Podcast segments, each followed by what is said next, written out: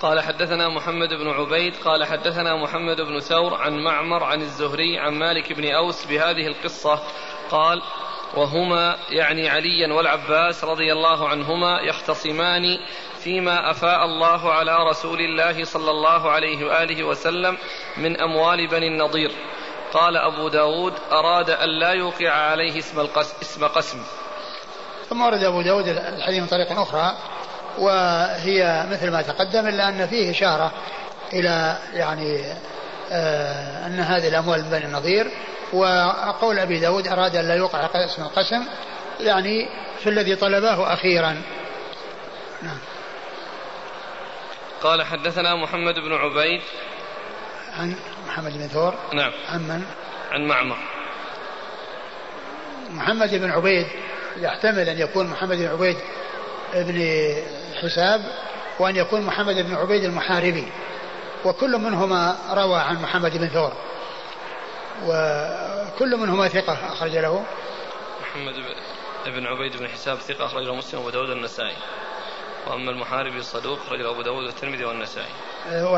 المحاربي صدوق أخرج له من؟ أبو داود والترمذي والنسائي. أبو داود والترمذي والنسائي. تحفظ الأشراف يعني ذكر يعني عين أحد الاثنين؟ لا.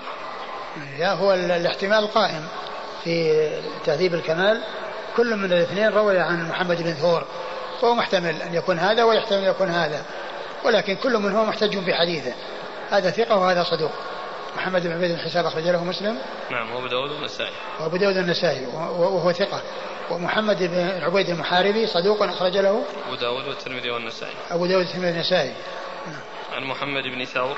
عن محمد بن ثور وهو ثقة. أخرج أبو داود النسائي. أخرجه أبو داود النسائي. عن معمر. عن معمر بن راشد الأزدي البصري ثم اليماني. ثقة أخرجه أصحاب كتب الستة. عن الزهري عن مالك بن أوس. عن الزهري عن مالك بن أوس وقد مر ذكرهما.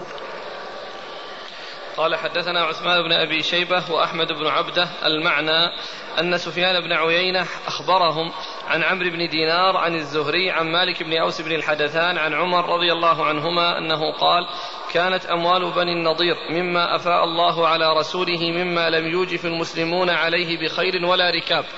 كانت لرسول الله صلى الله عليه وآله وسلم خالصا ينفق على أهل بيته. قال ابن عبده ينفق على أهله. قوت سنة فما بقي جعل في الكراع وعدة في سبيل الله عز وجل. قال ابن عبده في الكراع والسلاح. ثم ورد أبو داود الحديث من طريق أخرى وفيه كانت أموال بني النضير مما أفاء الله على رسوله مما لم يوجف المسلمون عليه بخيل ولا ركاب. نعم. هذا مر نعم. يوجف. يوجف يعني آه الإجاف والإسراع. نعم. كانت لرسول الله صلى الله عليه وآله وسلم خالصة ينفق على أهل بيته. يعني خالصة يعني اصطفاها بأنها تبقى ينفق على أهل بيته منها وما بقي جعله في الكراع والعدة في سبيل الله. الكراع الذي هو الخيل والعدة اللي هو العتاد للجهاد في سبيل الله. نعم. قال ابن عبده ينفق على أهله قوت سنة. يعني هذا أحد الشيخين الذي هو ابن عبده أحمد بن عبده قال ينفق على أهله قوت سنة. وذاك إشكال في الأول؟ ينفق على أهل بيته. على أهل بيته. هنا زاد أحد الشيخين قوت سنة. نعم. فما بقي جعل في الكراع وعدة في سبيل الله عز وجل. نعم. قال ابن عبده في الكراع والسلاح. يعني أن أنه ساقه على لفظ ابن أبي شيبة ثم ذكر الفروق بين ابن أبي شيبة وبين ابن عبده.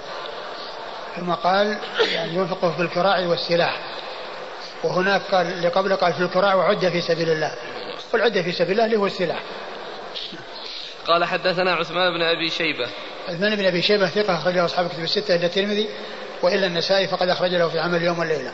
وأحمد بن عبدة أحمد بن عبدة الضبي ثقة أخرج له مسلم وأصحاب السنن مسلم وأصحاب السنن. عن سفيان بن عيينة سفيان بن عيينة المكي ثقة أخرج له أصحاب كتب الستة. عن عمرو بن دينار. عمرو بن دينار المكي ثقة أخرج له أصحاب كتب الستة. عن الزهري عن مالك بن أوس عن عمر. عن الزهري عن مالك بن أوس عن عمر وقد مر ذكرهم. قال حدثنا مسدد قال حدثنا إسماعيل بن إبراهيم قال أخبرنا أيوب عن الزهري قال قال عمر رضي الله عنه وما أفاء الله على رسوله منهم فما أوجفتم عليه من خيل ولا ركاب؟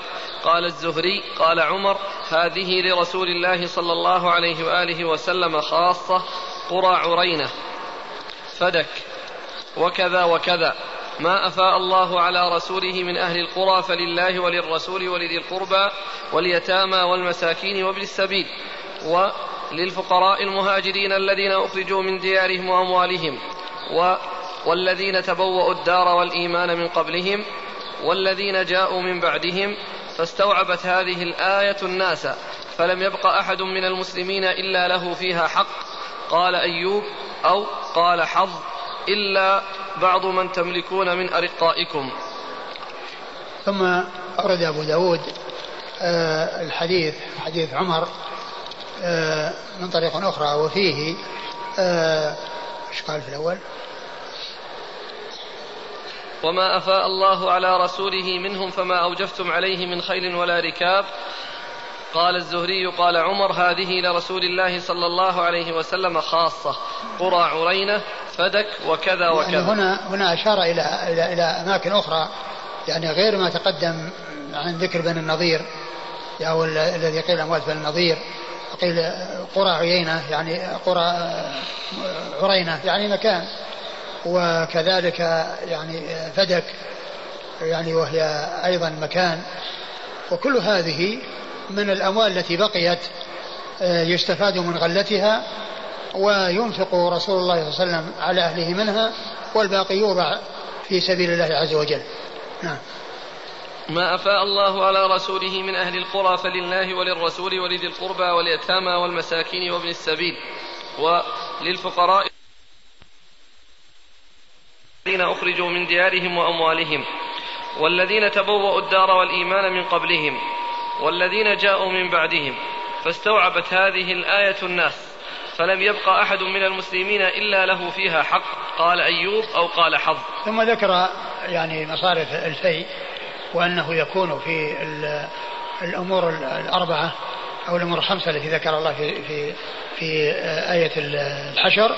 ثم ذكر بعد ذلك أيضا المهاجرين والأنصار والذين جاءوا بعدهم يقول ربنا اغفر لنا ولإخوان الذين سبقونا بالإيمان ولا تجعل في قلوبنا غلا للذين آمنوا. ربنا إنك رؤوف رحيم. ثم ذكر أن هذه الآية استوعبت جميع الناس أي الآية الأخيرة لأنها تتعلق بكل من جاء بعد المهاجرين والأنصار. مستغفرا لهم سائلا الله عز وجل ألا يجعل في قلبه غلا لهم. وأنه لا يستخرج من يستثنى من ذلك إلا الأرقاء الذين هم مملوكون والذين هم تابعون لأسيادهم وأنهم ينفق عليهم أسيادهم وأن وأن أنهم لو أعطوا لصار ذلك الذي يعطونه ملكا لأسيادهم. فلا يستثنى من ذلك إلا يعني آآ آه، آآ آه، الأرقاء. آه، وقوله استوعبت لأنها في كل من جاء بعد المهاجرين والأنصار على هذا الوصف الذي ذكره الله. سلم القلب في حقهم وسلم اللسان في حقهم أي في حق المهاجرين والأنصار. ولهذا فهذه, فهذه الآيات الثلاث آية في المهاجرين وآية في الأنصار وآية في الذين يجوءون بعد المهاجرين والأنصار. على طريقة المهاجرين والأنصار مستغفرين لهم سائلين الله عز وجل ألا يجعل في قلوبهم غلا لهم. أي أن قلوبهم سليمة وألسنتهم سليمة في حق أصحاب رسول الله صلى الله عليه وسلم. ولهذا جاء عن مالك بن أنس رحمة الله عليه أنه قال إن هذه الآية تدل على أن الرافضة لا نصيب لهم في الفيء لأنهم ليسوا من الأصناف الثلاث. لأن الآية التي جاءت بعد المهاجرين والأنصار آه، آه، وصف الله عز وجل آه، أهلها أو الذين مستحقون للفيء بأنهم يستغفرون للذين سبقوهم بالإيمان أي المهاجرين والأنصار ويسأل الله أن لا يجعل في قلوبهم غلا لهم. ويسألون الله عز وجل ألا يجعل في قلوبهم غلا لهم. ولهذا قال آآ آه، آآ آه، يعني في هذا الحديث فاستوعبت هذه الآية جميع المؤمنين. نعم. ولا يستثنى إيش؟ إلا إلا بعض من تملكون من أرق من أرقائكم. إلا بعض من تملكون من أرقائكم. بعض تملكون من بعض من تملكون من أرقائكم قيل أن المقصود به يعني الذين تملكون من رقائكم وقيل أن المقصود به أن أن آه آه أن المقصود أن بعض الأرقة أعطوا في زمن النبي صلى الله عليه وسلم وأن آه هذا التبعيض أو هذا ذكر هذا التبعيض يراد به أن منهم من أعطي ومنهم من لم يعطى. وبعض أهل العلم قال إن المقصود بالبعض هنا المقصود به الكل. المقصود به الكل وليس المقصود به أن بعضهم يعطى وليس وبعضهم لا يعطى. وبعضهم قال إن الإعطاء حمل على أشخاص معينين أعطوا في زمنه صلى الله عليه وسلم. قال حدثنا مسدد مسدد بن مسرهد البصري ثقة أخرجه البخاري وأبو داود والترمذي والنسائي. عن إسماعيل بن إبراهيم. إسماعيل بن إبراهيم هو بن علية وهو ثقة أخرجه أصحاب الكتب الستة. عن أيوب. عن أيوب بن أبي تميم السختياني ثقة أخرجه أصحاب الكتب الستة. عن الزهري عن عمر. عن الزهري عن عمر وقد الزهري مر ذكره وعمر مر ذكره وهنا يعني آه الزهري آه كما هو معلوم هو من صغار التابعين من صغار من صغار التابعين ولم يدرك عمر رضي الله عنه ولكن الحديث يعني صححه الألباني ولعل ذلك للشواهد وإلا فإن فيه انقطاع. قال حدثنا هشام بن عمار قال حدثنا حاتم بن إسماعيل قال حا وحدثنا سليمان بن داود المهري قال أخبرنا ابن وهب قال أخبرني عبد العزيز بن محمد قال حا وحدثنا نصر بن علي قال حدثنا صفوان بن عيسى وهذا لفظ حديثه. كلهم عن أسامة بن زيد عن الزهري عن مالك بن أوس بن الحدثان رضي الله عنه قال كان فيما احتج به عمر رضي الله عنه أنه قال كانت لرسول الله صلى الله عليه وآله وسلم ثلاث صفايا بنو النضير وخيبر وفدك. فأما بنو النضير فكانت حبسا لنوائبه وأما فدك فكانت حبسا لأبناء السبيل. وأما خيبر فجزأها رسول الله صلى الله عليه وآله وسلم ثلاثة أجزاء جزئين بين المسلمين وجزءا نفقة لأهله. فما فضل عن نفقة أهله جعله بين فقراء المهاجرين. ثم ورد أبو داود حديث مالك بن أوس بن حدثان قال كان فيما احتج به عمر رضي الله عنه أنه قال كانت لرسول الله صلى الله عليه وسلم ثلاث صفايا. يعني كان فيما احتج به عمر يعني في آه كون الرسول صلى الله عليه وسلم يعني خلف شيئا وأبقاه وأنه يعني يصرف في آه الأمور التي آه هي في سبيل الله عز وجل آه إلا ما كان يأخذه لأهله ونفقة أهله لمدة سنة. قال كان لرسول الله ثلاث صفايا. نعم. بنو النضير وخيبر وفدك. نعم. فأما بنو النضير فكانت حبسا لنوائبه. فأما بنو النضير فكانت حبسا لنوائبه. يعني ما ينوبه وما يحصل من المناسبات التي تحتاج إلى بذل وإلى عطاء فإنه ينفق منها. فإنه ينفق منها ويبذل منها. يعني في سبيل الله عز وجل. يعني للجهاد وللسلاح وللقراع وكذلك لإعطاء المحتاجين والبذل في سبيل الله. نعم. وأما فدك فكانت حبسا لأبناء السبيل. وأما فدك فكانت حبسا لأبناء السبيل. يعني ينفق على أبناء السبيل منها. وأما خيبر فجزأها رسول الله صلى الله عليه وآله وسلم ثلاثة أجزاء جزئين بين المسلمين وجزءا نفقة لأهله فما فضل عن نفقة أهله جعله بين فقراء المهاجرين. وما حصل من خيبر جزأه ثلاث أجزاء. ثلثان ثلاث أجزاء ثلث جزءان للمسلمين وجزء ينفق على نفسه من وأهله منه وما بقي فإنه يجعله في المهاجرين. يعني في يعني في المهاجرين المهاجرين في سبيل الذين هاجروا من مكة وتركوا ديارهم أو هاجروا إلى رسول الله صلى الله عليه وسلم في الوقت الذي كانت فيه الهجرة قبل أن تفتح مكة فكان آه، آه، يعطيهم منه.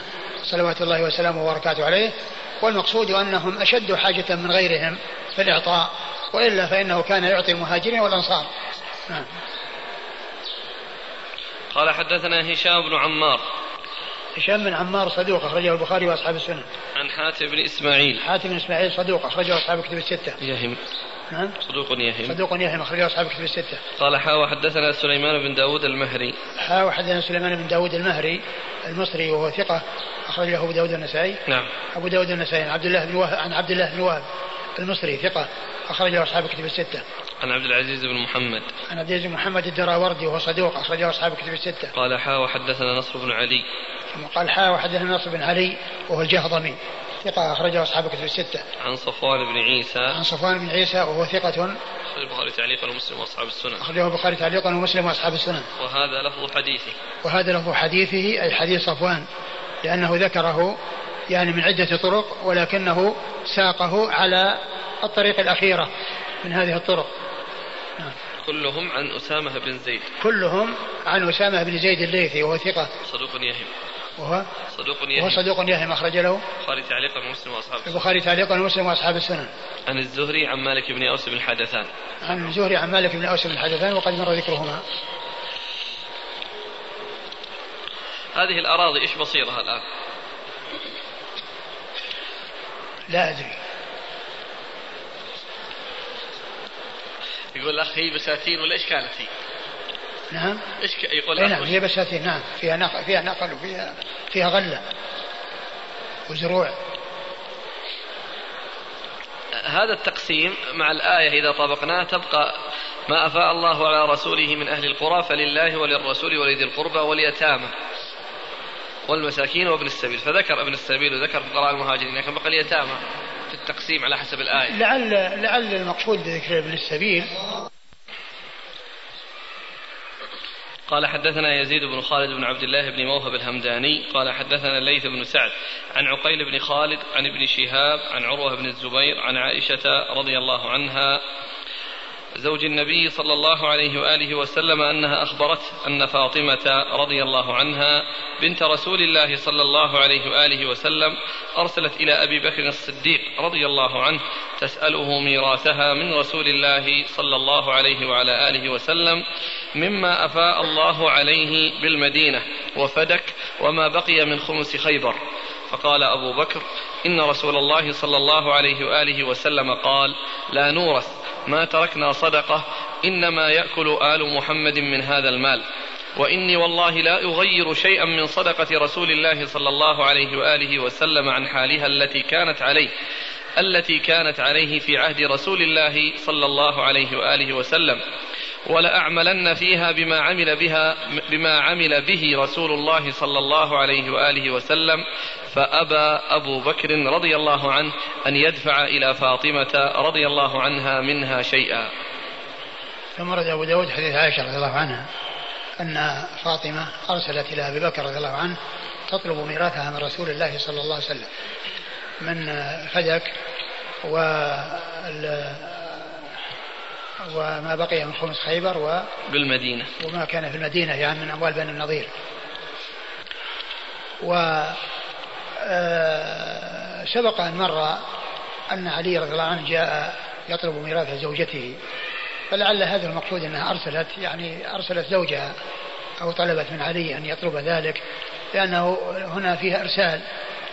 وعلي رضي الله عنه في الحديث المتقدم أنه جاء يطلب ميراث زوجته من أبيها صلى الله عليه وسلم. فأبو بكر رضي الله عنه قال إن النبي عليه الصلاة والسلام قال إنا لا نورث ما تركناه صدقة. وقال إنما يأكل آل محمد من هذا المال. يعني أنهم يعني يعطون أو ينفق عليهم من هذا المال الذي هو الخمس والفيء الذي يوفئه الله عز وجل. ثم قال إنه لا يغير شيئا كان على عهد رسول الله صلى الله عليه وسلم. ينفق على آل محمد من هذا المال والباقي يصرفه في سبيل الله. هكذا كان رسول الله صلى الله عليه وسلم يفعل وقد قال ما تركناه صدقة. وقال إنا لا نورث. فقال إنه يبقي الأموال التي كانت على عهده صلى الله عليه وسلم يصرفها في المصارف التي كان رسول الله صلى الله عليه وسلم يصرفها ومنها الإنفاق على أهل بيت الرسول صلى الله عليه وسلم من هذا المال. إيش قال؟ قال إن رسول الله صلى الله عليه وسلم قال لا نورث ما تركنا صدقة إنما يأكل آل محمد من هذا المال. وإني والله لا أغير شيئا من صدقة رسول الله صلى الله عليه وآله وسلم عن حالها التي كانت عليه في عهد رسول الله صلى الله عليه وآله وسلم. فلأعملن فيها بما عمل به رسول الله صلى الله عليه وآله وسلم. فأبى أبو بكر رضي الله عنه أن يدفع إلى فاطمة رضي الله عنها منها شيئا. يعني أبى أن يدفع على أساس أنها ميراث ولكنه يعطيها ويعطي غيرها آه كما كان النبي يعطي أهل بيته. فكان يعني آه آل بيت الرسول صلى الله عليه وسلم يأكلون من هذا المال ويعطون من هذا المال ولا تحل لهم صدقة آه اكتفاء بما كانوا يعطون من الأموال التي هي غنيمة وفيء غنيمة في سبيل الله وفيء أفاءه الله على رسوله صلى الله عليه وسلم نعم. قال حدثنا يزيد بن خالد بن عبد الله بن موهب الهمداني. يزيد بن خالد بن عبد الله بن موهب الهمداني. ثقة أخرج أبو داود والنسائي بن ماجه. ثقة أخرج أبو داود والنسائي بن ماجه. عن الليث بن سعد. عن الليث بن سعد المصري ثقة أخرجه أصحاب كتب الستة. عن عقيل بن خالد. عن عقيل بن خالد بن عقيل المصري ثقة أخرجه أصحاب كتب الستة. عن ابن شهاب عن عروة بن الزبير. عن ابن شهاب مر ذكره عروة بن الزبير بن العوام ثقة فقيه. أحد فقهاء المدينة السبعة في عصر التابعين وحديثه أخرجه أصحاب كتب الستة. عن عائشة أم المؤمنين رضي الله عنها وأرضاها الصديقة بن الصديق وهي واحدة من سبعة أشخاص عرفوا بكثرة الحديث عن النبي صلى الله عليه وسلم. قال حدثنا عمرو بن عثمان الحمصي قال حدثنا أبي قال حدثنا شعيب بن أبي حمزة عن الزهري قال حدثني عروة بن الزبير أن عائشة زوج النبي صلى الله عليه وآله وسلم أخبرته بهذا الحديث قال وفاطمة رضي الله عنها حينئذ تطلب صدقة رسول الله صلى الله عليه وآله وسلم التي بالمدينة وفدك وما بقي من خمس خيبر قالت عائشة رضي الله عنها فقال أبو بكر رضي الله عنه إن رسول الله صلى الله عليه وآله وسلم قال لا نورث ما تركنا صدقة وإنما يأكل آل محمد في هذا المال يعني مال الله. ليس لهم أن يزيدوا على المآكل أو على المأكل. ثم رد أبو داود حديث عائشة من طريق أخرى وهو مثل الذي تقدم. قال حدثنا عمرو بن عثمان الحمصي. عمرو بن عثمان الحمصي صدوق أخرجه أبو داود والنسائي وابن ماجه. عن أبيه. عن أبيه وهو ثقة. آه، ثقة أخرجه أبو داود والنسائي وابن ماجه. عن شعيب بن أبي حمزة. شعيب بن أبي حمزة الحمصي أيضا ثقة أخرجه أصحاب كتب الستة. عن الزهري عن عروة عن عائشة. وقد مر ذكر الثلاثة. قال حدثنا حجاج بن أبي يعقوب قال حدثنا يعقوب بن إبراهيم بن سعد قال حدثنا أبي عن صالح عن ابن شهاب أنه قال أخبرني عروة أن عائشة رضي الله عنها أخبرته بهذا الحديث قال فيه فأبو فأبى أبو بكر رضي الله عنه عليها ذلك وقال لست تاركا شيئا كان رسول الله صلى الله عليه وآله وسلم يعمل به إلا عملت به إني أخشى إن تركت شيئا من أمره أن أزيغ.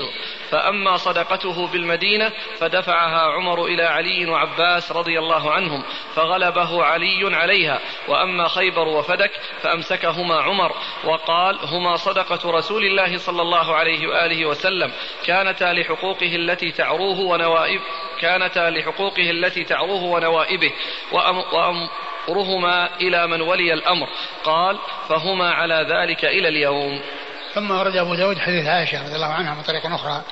وفيه يعني أن أن عليا والعباس أنه دفع إليهما يعني ما يتعلق بالمدينة وأن ما كان من خيبر ومن فدك فإنه بقي بيده رضي الله تعالى عنه وأرضاه. ومعلوم أن كل من الثلاثة كلها مصيرها واحد وطريقها واحدة ولكن هذا هو الذي جعله بأيديهما آه، أي بأيدي عمر آه، علي والعباس رضي الله تعالى عنهما. والباقي آه، بقي في يد الخليفة والوالي يصرفه في مصالح المسلمين. قال حدثنا حجاج بن أبي يعقوب. حجاج بن أبي يعقوب صدوق. ثقة أخرجه مسلم وأبو داود. ثقة أخرجه مسلم وأبو داود. عن يعقوب بن إبراهيم بن سعد. يعقوب بن إبراهيم بن سعد ثقة أخرجه أصحاب الكتب الستة.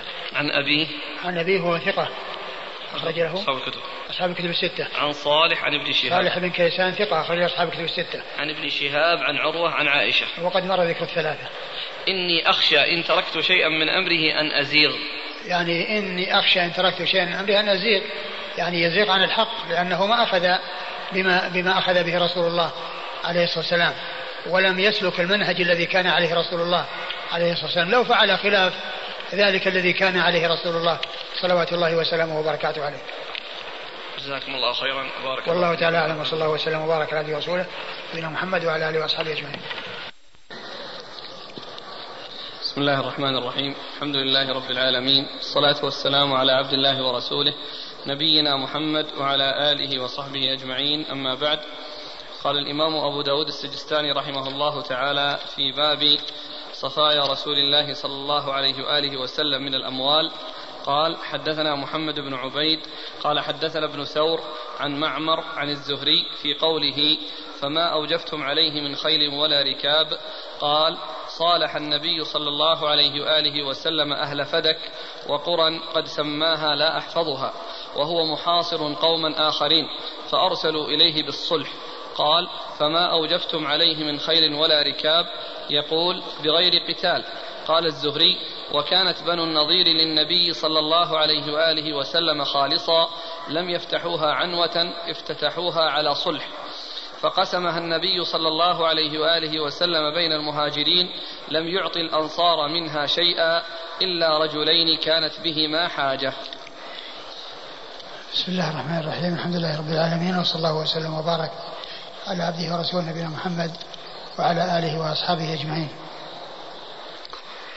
أما بعد فقد سبق أن مر جملة من الأحاديث تحت هذا الباب الذي هو باب في صفايا رسول الله صلى الله عليه وسلم من الأموال وعرفنا أن المقصود من ذلك ما يتعلق بالأراضي وال والنخيل وغير ذلك من الأشياء الثابتة التي لم تقسم وتوزع على الناس وإنما بقيت أصولها يعني ثابتة محبسة و ثمرتها وغلتها تصرف في المصارف التي يراها رسول الله صلى الله عليه وسلم.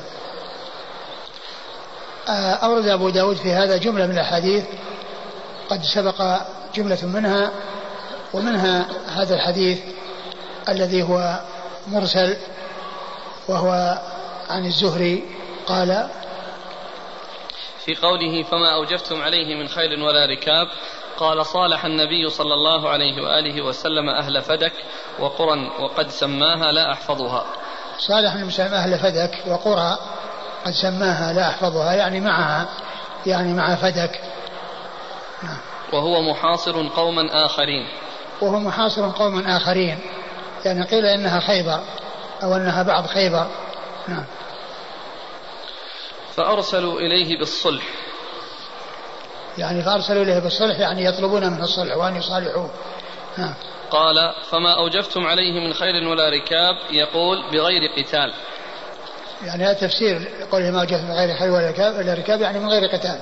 وإنما حصلت بالرعب والخوف الذي جعل الأعداء آه، يستسلمون ويعني آه، يصالحون. نعم. قال الزهري وكانت بنو النضير للنبي صلى الله عليه وآله وسلم خالصا لم يفتحوها عنوة افتتحوها على صلح. يعني فإذا كان فصارت فيئا. يعني يصرف في مصالح المسلمين ولا ولا تخمس لأنها ليست من الغنائم. نعم.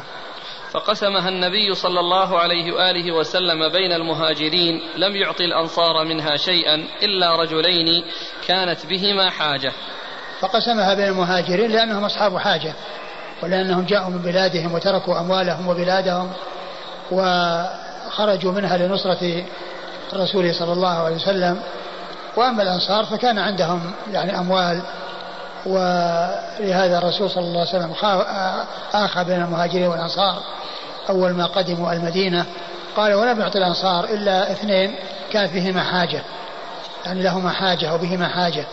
يعني معنى هذا أنها ليست للمهاجرين خاصة وإنما هي للمهاجرين والأنصار ولكن الأنصار يعني أهل أهل البلد وأهل مال وأهل زراعة وتجارة وأما المهاجرون فقد جاءوا بأنفسهم دون أن يكون معهم مال وتركوا أوطانهم وأموالهم في مكة وإنما خرجوا لنصرة الرسول صلى الله عليه وسلم والهجرة معه صلوات الله وسلامه وبركاته عليه ورضي الله عنهم وأرضاهم. والحديث آه، كما هو معلوم مرسل لأن الزهري من صغار التابعين. الزهري من صغار التابعين. نعم. قال حدثنا محمد بن عبيد عن ابن ثور. محمد بن عبيد هو يحتمل يكون ابن حساب وأن يكون المحاربي وابن حساب ثقة والمحاربي صدوق وقد مر ذكرهما قريبا في هذا الباب. عن ابن ثور محمد بن ثور ثقة أخرجه أبو داود والنسائي. عن معمر. معمر بن راشد الأزدي البصري ثم اليماني ثقة أخرج له أصحاب كتب الستة. عن الزهري وهو محمد بن مسلم بن عبيد الله بن شهاب الزهري ثقة فقيه أخرج له أصحاب كتب الستة.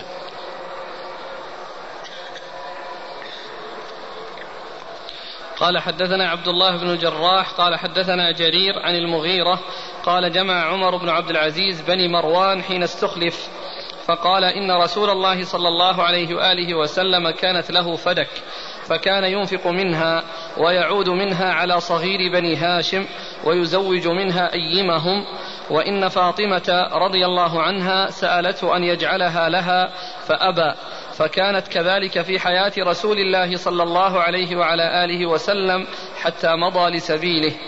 فلما أن ولي أبو بكر رضي الله عنه عمل فيها بما عمل النبي صلى الله عليه وآله وسلم في حياته حتى مضى لسبيله.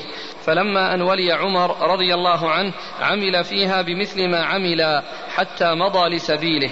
ثم أقطعها مروان ثم صارت لعمر بن عبد العزيز قال عمر يعني ابن عبد العزيز فرأيت أمرا منعه رسول الله صلى الله عليه وآله وسلم فاطمة عليها رضي الله عنها ليس لي بحق وأنا أشهدكم أني قد رددتها على ما كانت يعني على عهد رسول الله صلى الله عليه وآله وسلم. قال أبو داود ولي عمر بن عبد العزيز الخلافة وغلته أربعون ألف دينار وتوفي وغلته أربعمائة دينار ولو بقي لكان أقل ثم ورد أبو داود هذا الأثر أن عمر بن عبد العزيز رحمه الله وهو وهو مرسل أيضا وقال آه، أن أن عمر بن عبد العزيز آه، آه، قال إيش؟ أولا جمع عمر بن عبد العزيز بن مروان حين استخلف. فقال إن رسول الله صلى الله عليه وسلم كانت له فدك فكان ينفق منها ويعود منها على صغير بني هاشم ويزوج منها أيمهم. جمع بني مروان حين استخلف وقال إن فدك كانت لرسول الله صلى الله عليه وسلم وأن الرسول عليه الصلاة والسلام كان ينفق منها على بني هاشم على على يتامى. كان ينفق منها يعود منها على صغير بني هاشم. يعود منها على صغير بني هاشم آه، يعني اليتامى. ويزوج أيمهم أو أياماهم أي يعني من لم يكن ذا زوج يعني سواء كان رجلا أو أنثى. نعم. وإن فاطمة سألته أن يجعلها لها فأبى. وأن فاطمة سألته أن يجعلها لها فأبى. رسول الله صلى الله عليه وسلم أن يعطيها إياها. وأن تكون لها. فأبى ذلك رسول الله عليه الصلاة والسلام. فكانت كذلك في حياة رسول الله صلى الله عليه وآله وسلم حتى مضى لسبيله. يعني كانت كذلك على النحو الذي ذكر أنه يعطي ينفق منها على بني هاشم يعني آه، ينفق على صغيرهم ويزوج أيمهم. ثم بعد ذلك لما ولي خلافة أبو بكر قام بالأمر بعد رسول الله صلى الله عليه وسلم وبقي صرف ذلك على ما كان عليه في زمن النبي صلى الله عليه وسلم ثم كذلك في زمن عمر رضي الله عنه ثم قال ثم أقطعها مروان أي ابن الحكم. قالوا والذي يقطعه إياها عثمان بن عفان. قالوا وهذا مما عابوه عليه وتكلموا فيه. لكن الحديث غير ثابت لأنه مرسل. لأنه مرسل فهو غير ثابت عن يعني ما فيه غير ثابت والإقطاع يعني آه، بناء على ما جاء في هذا الحديث لا يكون ثابتا. نعم. ثم أقطعها مروان ثم صارت لعمر بن عبد العزيز. ثم صارت لعمر بن عبد العزيز لأنه هو حفيد مروان. يعني نعم. قال عمر يعني ابن عبد العزيز فرأيت أمرا منعه رسول الله صلى الله عليه وآله وسلم فاطمة رضي الله عنها ليس لي بحق. يعني آه، كما مر أن فاطمة طلبت أن تكون لها فأبى ذلك رسول الله عليه الصلاة والسلام فقال إن شيئا منعته فاطمة لا يكون لي حق فأعاده على ما كان عليه في زمن الرسول صلى الله عليه وسلم أي أنه ينفق منه على صغير بني هاشم ويزوج أيمهم ويصرف في المصارف التي كان يصرف عليها في زمن رسول الله صلى الله عليه وسلم. قال أبو داود ولي عمر بن عبد العزيز الخلافة وغلته أربعون ألف دينار. وتوفي وغلته أربعمائة دينار. ولو بقي لكان أقل. يعني أنه كان يعني يصرف يعني آه على نفسه من ماله ومن غلته التي آه كان كانت عنده قبل أن يتولى الخلافة. وأنه لما مات كانت أربعين أربعمائة. يعني بدل أربعين ألف صارت أربعمائة. ولو, ولو بقي لكانت أقل. يعني معناه أنها تتناقص لأنه ينفق على نفسه منها.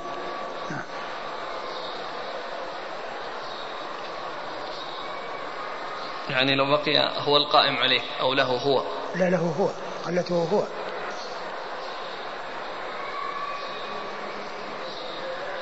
غل الغلة الضمير مبعود على فدك؟ لا غلة ظاهر انه يعني يعني قال توفي وهي أربعون أربعمائة يعني أربعمائة بدل أربعة أربعين ألف صارت أربعمائة. يعني معناه أن هذه الغلة التي له التي تخصه والتي هي ملكه تناقصت بالإنفاق لأنه ينفق من ماله ليس من من أموال ليس من أموال الفيء والغلة ذي من فين من فين يأخذها؟ يعني ملكه ما أدري من. يعني ليس الكلام متعلق بفدك. لا لا ما ليس متعلق بفدك. آه. ليس متعلق بفدك وإنما يتعلق بماله هو وأنه كان ينقص لأنه ينفق على نفسه منه. آه. قال حدثنا عبد الله بن الجراح. عبد الله بن الجراح صدوق. يخطئ أخرجه أبو داود. صدق أخرجه أبو داود. والنسائي في مسند مالك وابن ماجه. والنسائي في مسند مالك وابن ماجه. عن جرير. عن جرير بن عبد الحميد الضبي الكوفي ثقة أخرجه أصحاب الكتب الستة. عن المغيرة. عن المغيرة بن مقسم الضبي الكوفي ثقة أخرجه أصحاب الكتب الستة. عن عمر بن عبد العزيز. عن عمر بن عبد العزيز الخليفة رحمة الله عليه وحديثه أخرجه أصحاب الكتب الستة. وقد توفي وعمره أربعون سنة. ليس من المعمرين. ولكنه آه، له هذه الشهرة العظيمة والمنزلة الرفيعة في نفوس المسلمين والمحبة. نعم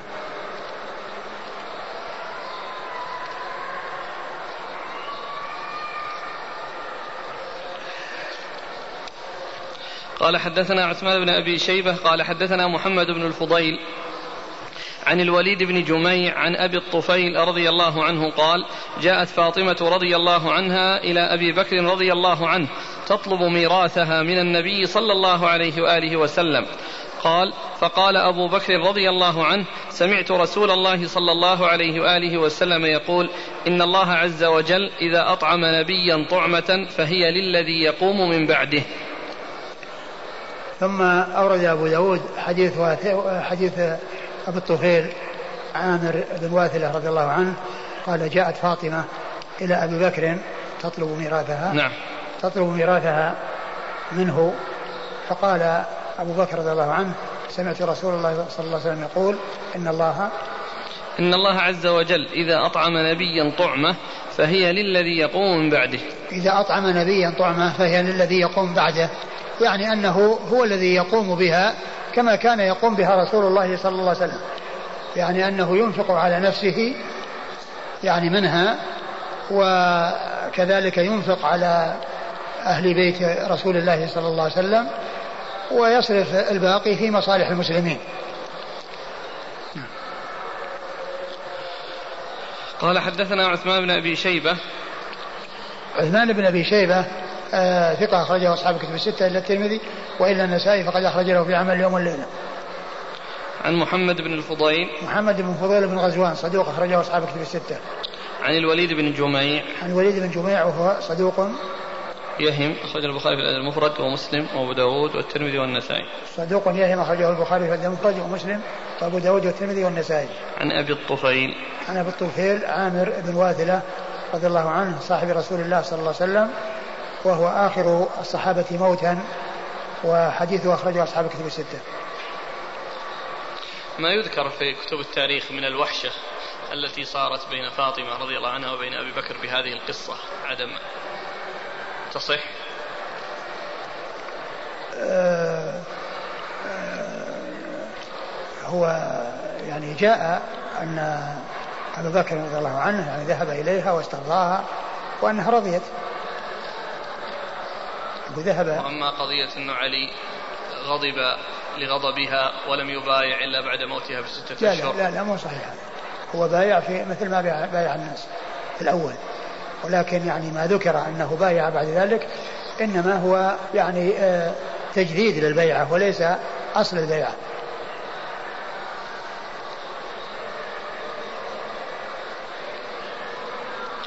قال حدثنا عبد الله بن مسلمة عن مالك عن أبي الزناد عن الأعرج عن أبي هريرة رضي الله عنه عن النبي صلى الله عليه وآله وسلم أنه قال لا تقتسم ورثتي دينارا. ما تركت بعد نفقة نسائي ومؤنة عاملي فهو صدقة. قال أبو داود مؤنة عاملي يعني أكرة الأرض. ثم أورد أبو داود حديث أبي هريرة أن النبي صلى الله عليه وسلم قال لا تقتسم ورثتي دينارا. يعني هو أقل شيء. يعني هذا إشارة إلى أقل الحد الأدنى يعني شيء قليل يعني لا يرثون شيئا. يعني دينارا فما فوقه؟ ما ترك ما ما, ما تركناه صدقة وما تركته صدقة. ما تركته بعد؟ ما تركت بعد نفقة نسائي ومؤنة عاملي فهو صدقة. ما تركت بعد نفقة نسائي ومؤنة عاملي فهو صدقة. يعني أن آه هذا الذي آه كان على يد رسول الله صلى الله عليه وسلم أنه ينفق منه على يعني نسائه وينفق منه على العمال الذين يعني يحرثون الأرض أو أو الولاة الذين يعني يلون الأمر من بعده. فما سوى ذلك فإنه صدقة يعني يصرف في مصالح المسلمين وفي المصالح العامة مثل ما تقدم في أنه ينفق على نفسه على أهله ويعطيهم قوت سنة. وما بعد ذلك فإنه يصرفه في سبيل الله. نعم. قال أبو داود مؤنة عاملي يعني أكرة الأرض. يعني العامل المقصود به يعني أكرة الأرض الذين يشتغلون في الأرض ويحرثون فيها فإنهم يعطون أجرتهم منها يعني من ريعها. وقيل أن المقصود بذلك العامل اللي هم العمال الخليفة ويعني من يعني يلون الأمر فإنه ينفق ينفق عليهم من الفيء الذي هو في بيت المال أو يؤول إلى بيت المال.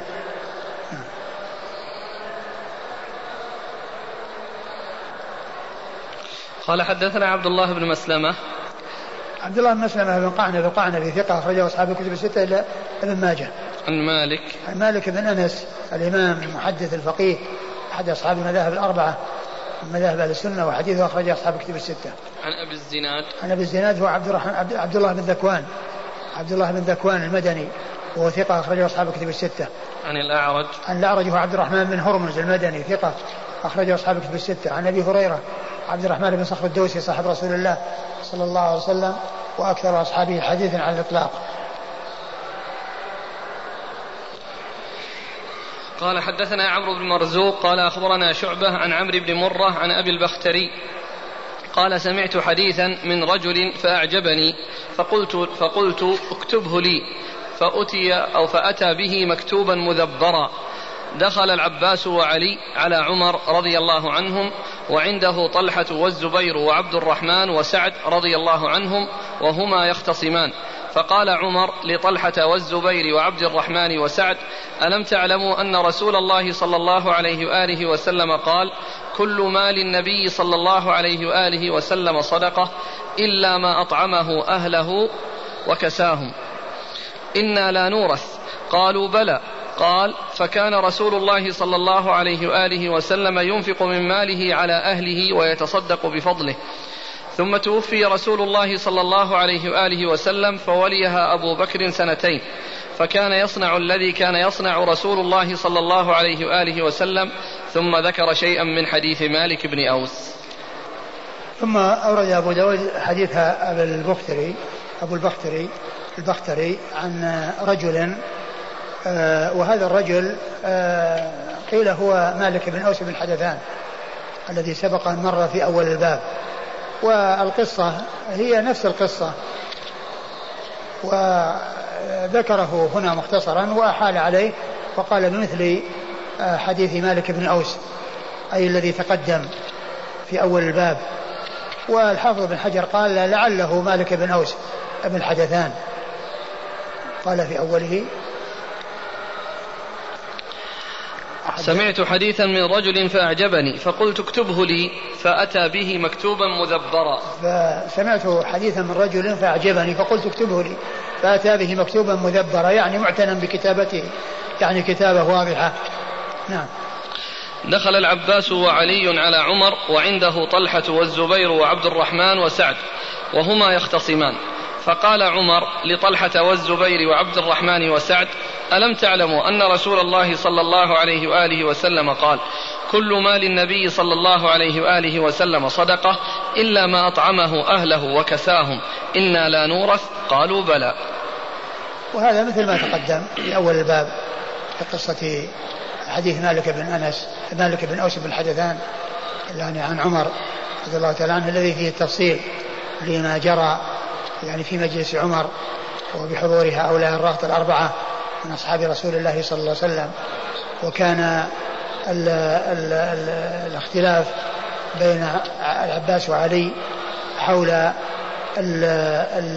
التولية التي ولاه ولاهم إياها عمر وهما مجتمعين وهما يعني مجتمعان ثم إن أنه حصل اختصامهما وسبق أن مر أن الاختصام آه، أن المقصود من وراء الاختصام هو أن تقسم النظارة بينهما وأن يكون كل واحد منهما يكون مسؤولا عن نصف ذلك الذي ولي لهما جميعا. وأن عمر رضي الله عنه وأرضاه قال إن أنه لا يفعل ذلك وأن الأمر يستمر على ما كان عليه في عهد الرسول صلى الله عليه وسلم فإن آه، قام بها مجتمعين وإلا رداها إليه يقوم بتصريفها كما كان يصرفها قبل أن يعطيهم إياها وذلك وفقا لما كان يفعله رسول الله صلى الله عليه وسلم وما كان يفعله أبو بكر رضي الله تعالى عنه. قال فكان رسول الله صلى الله عليه وآله وسلم ينفق من ماله على أهله ويتصدق بفضله. ثم توفي رسول الله صلى الله عليه وآله وسلم فوليها أبو بكر سنتين فكان يصنع الذي كان يصنع رسول الله صلى الله عليه وآله وسلم ثم ذكر شيئا من حديث مالك بن أوس. الذي تقدم في أول الباب. قال حدثنا عمرو بن مرزوق. عمرو بن مرزوق صدوق. ثقة له أوهام أخرجه البخاري وأبو داود. ثقة له أوهام أخرجه البخاري وأبو داود. عن شعبة. عن شعبة بن الحجاج الواسطي ثم البصري ثقة أخرجه أصحاب الكتب الستة. عن عمرو بن مرة. عمرو بن مرة الهمداني ثقة أخرجه أصحاب الكتب الستة. عن أبي البختري. عن أبي البختري وهو عيسى. سعيد بن فيروز. سعيد سعيد بن فيروز وهو ثقة أخرجه أصحاب الكتب الستة. قال سمعت حديثا من رجل. قال سمعت حديثا من رجل والرجل قيل هو مالك بن أوس بن الحدثان. عن عمر. عن عمر بن الخطاب رضي الله تعالى عنه أمير المؤمنين وثاني الخلفاء الراشدين الهادي المهديين صاحب المناقب الجمة والفضائل الكثيرة وحديثه عند أصحاب الكتب الستة. قال حدثنا القعنبي عن مالك عن ابن شهاب عن عروة عن عائشة رضي الله عنها أنها قالت إن أزواج النبي صلى الله عليه وآله وسلم حين توفي رسول الله صلى الله عليه وآله وسلم أردن أن يبعثن عثمان بن عفان إلى أبي بكر الصديق رضي الله عنهما فيسألنه ثمنهن من النبي صلى الله عليه وآله وسلم فقالت لهن عائشة أليس قد قال رسول الله صلى الله عليه وآله وسلم لا نورث؟ ما تركنا فهو صدقة. أورد أبو داود حديث عائشة رضي الله عنها أن أزواج النبي صلى الله عليه وسلم بعد وفاته آه، أردنا أن يرسلنا عثمان بن عفان رضي الله تعالى عنه إلى أبي بكر رضي الله عنه ليطلبن ثمنهن من ميراث رسول الله صلى الله عليه وسلم. فقالت ألم يقول النبي صلى الله عليه وسلم إن لا نورث ما تركناه صدقة؟ وهذا يحتمل أن يكون آه، النساء آه، لم يعلمن ولكن أرادت أن أن تخبرهن بالذي قد حصل ويحتمل أن يكون قد علمن ذلك ولكنهن نسين ولكن حصل لهن, لهن النسيان فذكرتهن بذلك عائشة رضي الله تعالى عنها وأرضاها. نعم. قال حدثنا القعنبي عن مالك عن ابن شهاب عن عروة. عروة بن الزبير بن العوام ثقة فقيه أخرجه أصحاب كتب الستة. عن عائشة. عن عائشة أم المؤمنين الصديقة بنت الصديق وهي واحدة من سبعة أشخاص عرفوا بكثرة الحديث عن النبي صلى الله عليه وسلم. قال حدثنا محمد بن يحيى بن فارس قال حدثنا إبراهيم بن حمزة قال حدثنا حاتم بن إسماعيل عن أسامة بن زيد عن ابن شهاب بإسناده نحوه قلت ألا تتقين الله ألم تسمعن رسول الله صلى الله عليه وآله وسلم يقول لا نورث ما تركنا فهو صدقة وإنما هذا المال لآل محمد لنائبتهم ولضيفهم فإذا مت فهو إلى ولي الأمر من بعدي. ثم ورد أبو داود حديث عائشة من طريق أخرى وهو مثل, مثل الذي قبله وأن هذا المال الذي كان بيده صلى الله عليه وسلم ليس موروثا عنه وإنما هو ينفق على نفسه منه وعلى ما يعني ينوبه وما يعروه وأنه إذا توفي رسول الله عليه الصلاة والسلام فإن الأمر فيه يؤول إلى من يلي الأمر من بعده يصرفه آه، وفقا لما كان رسول الله صلى الله عليه وسلم يصرفه. وهكذا قد حصل من أبي بكر رضي الله عنه فإنه لما ولي الخلافة بعد رسول الله صلى الله عليه وسلم قام بصرفه وفقا لما كان يصرفه فيه رسول الله صلى الله عليه وسلم ورضي الله تعالى عن أبي بكر. وله أن يأخذ منه. نعم فهو لولي نعم يعني يعني يعني آه، يعني معناه ولي الأمر هو الذي يقوم وله أن ينفق على نفسه منه. ينفق على نفسه منه اللي هو ولي الأمر. وهذا هو الذي سبق أن مر ومؤونة عاملي وقيل المقصود به الخليفة. والولاة الذين يلون الأمر. والآية فيها دليل على ذلك؟ أي آية؟ ما أفاء الله على رسوله من أهل القرى فلله وللرسول ذي القربى واليتامى والمساكين والسبيل لا ما فيه ولكن فيما يتعلق بالفيء لأن الذي راح هو مال الفيء. الذي راح هو مال الفيء. الذي وهذا الذي ترك؟ في المصارف العامة. هذا الآن اللي أمهات المؤمنين سألناه أليس هو من الفيء؟ إلا. لأن الخمس ذاك في مغانم. ذاك اللي في المغانم في الغنائم واعلم أن ما غنمتم شيء فلله خمسه وللرسول ولذي القربى. وأما الفيء فإنه عام لا يصرف. يعني آه، مصارف الخمس فقط وإنما يصرف في مصالح المسلمين عموما. ويأخذ منه الوالي. نعم. قال حدثنا محمد بن يحيى بن فارس محمد بن يحيى بن فارس الذهلي ثقة أخرج البخاري وأصحاب السنن. عن إبراهيم بن حمزة. عن إبراهيم بن حمزة ثقة أخرج صدوق صدوق أخرج له أصحاب الكتب. البخاري وأبو داود والنسائي في عمل اليوم والليلة. البخاري وأبو داود والنسائي في عمل اليوم والليلة. في عمل اليوم والليلة؟ والنسائي في عمل اليوم والليلة. عن حاتم بن إسماعيل. عن حاتم بن إسماعيل وهو صدوق أخرج أصحاب كتب الستة. صدوق يهم. صدوق يهم أخرج أصحاب كتب الستة. عن أسامة بن زيد. عن أسامة بن زيد الليثي وهو صدوق يهم. يهم أخرج له. البخاري تعليقا ومسلم وأصحاب السنن البخاري تعليقا ومسلم وأصحاب السنن عن ابن شهاب بإسناده. عن ابن شهاب بإسناده. نحوه نعم وقد مر. قال رحمه الله تعالى باب في بيان مواضع قسم قسم الخمس وسهم ذي القربى. في بيان مواضع قسم الخمس. مواضع. في بيان مواضع قسم الخمس وسهم ذي القربى. نعم.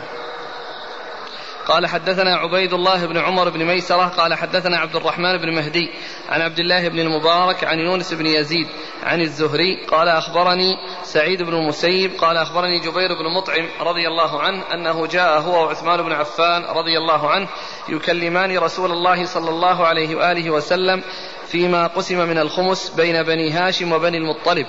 فقلت يا رسول الله قسمت لإخواننا بني المطلب ولم تعطنا شيئا. وقرابتنا وقرابتهم منك واحدة. فقال النبي صلى الله عليه وآله وسلم إنما بنو هاشم وبنو المطلب شيء واحد.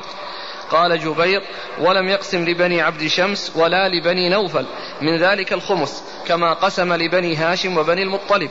قال وكان أبو بكر رضي الله عنه يقسم الخمس نحو قسم رسول الله صلى الله عليه وآله وسلم غير أنه لم يكن يعطي قربى رسول الله صلى الله عليه وآله وسلم ما كان النبي صلى الله عليه وآله وسلم يعطيهم. قال وكان عمر بن الخطاب رضي الله عنه يعطيهم منه وعثمان بعده. ثم ورد أبو داود هذه الترجمة وهي باب في بيان مواضع قسم الخمس وسهم ذوي القربى. مواضع آه، مواضع بيان مواضع قسم الخمس أي خمس الغنيمة لأن الغنيمة وهي ما يحصل في الجهاد وفي القتال. يقسم أخماسا أربعة أخماس للغانمين والخمس الخامس يكون في المصارف التي ذكرها الله في سورة في آية الأنفال. واعلموا أن ما غنمتم من شيء فإن لله خمسة وللرسول ولذي القربى واليتامى والمساكين وفي السبيل فهذه مصارف الخمس. وفيها يعني آه، كون الرسول صلى الله عليه وسلم آه، له في ذلك نصيب وذوي قربى رسول الله صلى الله عليه وسلم لهم فيها نصيب وقد جاء عن النبي عليه الصلاة والسلام أنه قال جعل رزقي تحت ظل رمحي. يعني أنه رزقه يكون من الغنيمة ومن الفيء الذي يفيء الله عز وجل على المسلمين. ولهذا كان هذا أفضل المكاسب وأجل المكاسب الذي هو آآ آآ الذي منه رزق رسول الله صلى الله عليه وسلم.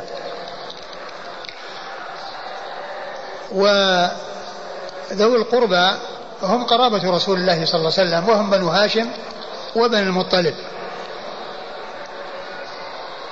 من أبناء عبد مناف لأن عبد مناف الذي هو الأب الرابع للرسول صلى الله عليه وسلم أولاده أربعة. هم هاشم والمطلب ونوفل وعبد شمس. هؤلاء هم أولاد عبد مناف. والرسول صلى الله عليه وسلم كان يعطي بني هاشم وبني المطلب وما كان يعطي بني عبد شمس وبني نوفل شيئا من الخمس. فجاء عثمان بن عفان رضي الله تعالى عنه وهم بني عبد شمس وجبير بن مطعم وهم بني نوفل يطلبان من النبي صلى الله عليه وسلم أن يعطيهما أو يسألانه يعني عن كونه أعطى بني المطلب ولم يعطي بني عبد شمس ولا بني نوفل مع أن الكل في القرب من رسول الله صلى الله عليه وسلم سواء لأن الجميع أولاد عبد مناف. بنو هاشم الأمر فيهم واضح لأنهم آه، هم الذين منهم النبي صلى الله عليه وسلم والذي نسبه فيه أي في هاشم.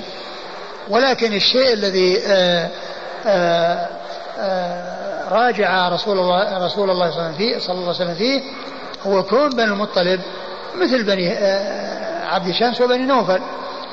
لم يعني ليس بينهم وبينهم فرق. الكل آه، يلتقون مع النبي صلى الله عليه وسلم في عبد مناف. يلتقون مع النبي صلى الله عليه وسلم في عبد مناف وهم يختلفون عن بني هاشم لأن بني هاشم هم الذين فيهم نسب الرسول صلى الله عليه وسلم. فالنبي عليه الصلاة والسلام قال إنه بن المطلب شيء واحد أو أننا لم نفترق في جاهلية ولا في إسلام. ومعنى ذلك أنه أعطاهم كما أعطى بني هاشم من الخمس. وفي هذا آه، يعني هذا الحديث الذي أورده أبو داود في هذه الترجمة عن عن جبير بن مطعم رضي الله تعالى عنه أنه ذهب إلى رسول الله صلى الله عليه وسلم وقد جاء أن معه عثمان بن عفان أحدهما من بني عبد الشمس والثاني من بني نوفل وأن النبي عليه الصلاة والسلام بين لهم السبب في إعطاء بني المطلب تبعا لبني هاشم لأنهم كانوا آه، معهم وفي آه، لما يعني آه، يعني تحالفوا معهم وناصروهم وكانوا معهم في الجاهلية وفي الإسلام فأعطاهم النبي صلى الله عليه وسلم أي بني المطلب كما أعطى بني هاشم ولم يعطي هؤلاء لأنهم ما كانوا مثلهم. وفي هذا تحديد أو تبيين لذوي القربى وأن العموم الذي جاء في القرآن في قوله ولذي القربى فسرت السنة وبينت السنة وأنهم بنو هاشم وبنو المطلب بنو هاشم وبنو المطلب. وهاشم أبو عبد المطلب. ونسله هم في عبد المطلب. ليس له نسل من غير عبد المطلب. فنسله محصورون في آه، نسل ابنه عبد المطلب. وأما بنو المطلب الذي هو أخو هاشم فقد أعطوا تبعا لبني هاشم. فقد أعطوا تبعا لبني هاشم. وإذا فذي القربى لفظ مطلق. يعني يشمل بني هاشم وبني المطلب وغيرهم. بل قد جاء في صحيح البخاري في تفسير قول الله عز وجل ولا أسألكم عليه أجرا للمودة في القربى أن المقصود من المقصود منها كما جاء عن ابن عباس أن أن أن, أن المقصود بالقرابة قرابة قريش لرسول الله صلى الله عليه وسلم. وأن وأن الرسول عليه الصلاة والسلام يطلب منهم لما بينه وبينهم من القرابة أنهم إن لم يساعدوه ويعينوه لا يؤذوه وإنما يخلون بينه وبين الناس. فذي القربى بينه الرسول صلى الله عليه وسلم في هذا الحديث. الذي هو حديث جبير بن مطعم أنهم بنو هاشم وبنو المطلب أنهم بنو هاشم وبنو المطلب بنو هاشم هم, الأصل وبنو المطلب ألحقوا بهم لأنهم آزروهم وناصروهم وكانوا معهم في الجاهلية والإسلام اقرأ الحديث.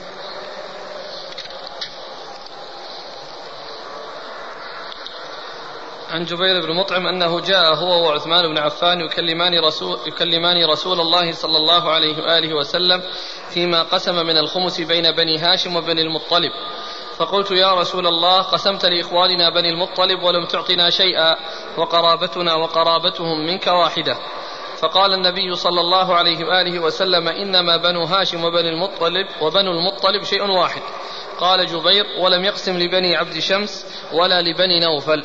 من ذلك الخمس كما قسم لبني هاشم وبني المطلب. قال وكان أبو بكر يقسم الخمس نحو قسم رسول الله صلى الله عليه وآله وسلم غير أنه لم يكن يعطي قرب رسول الله صلى الله عليه وآله وسلم ما كان النبي صلى الله عليه وآله وسلم يعطيهم. ثم ذكر أن أبا بكر رضي الله عنه قام بالأمر بعده ولم يكن يعطي بني هاشم ما كان رسول الله يعطيهم. ولعل ذلك أنه يعني ما كان يعطيهم نفس المقدار الذي كان يعطيهم.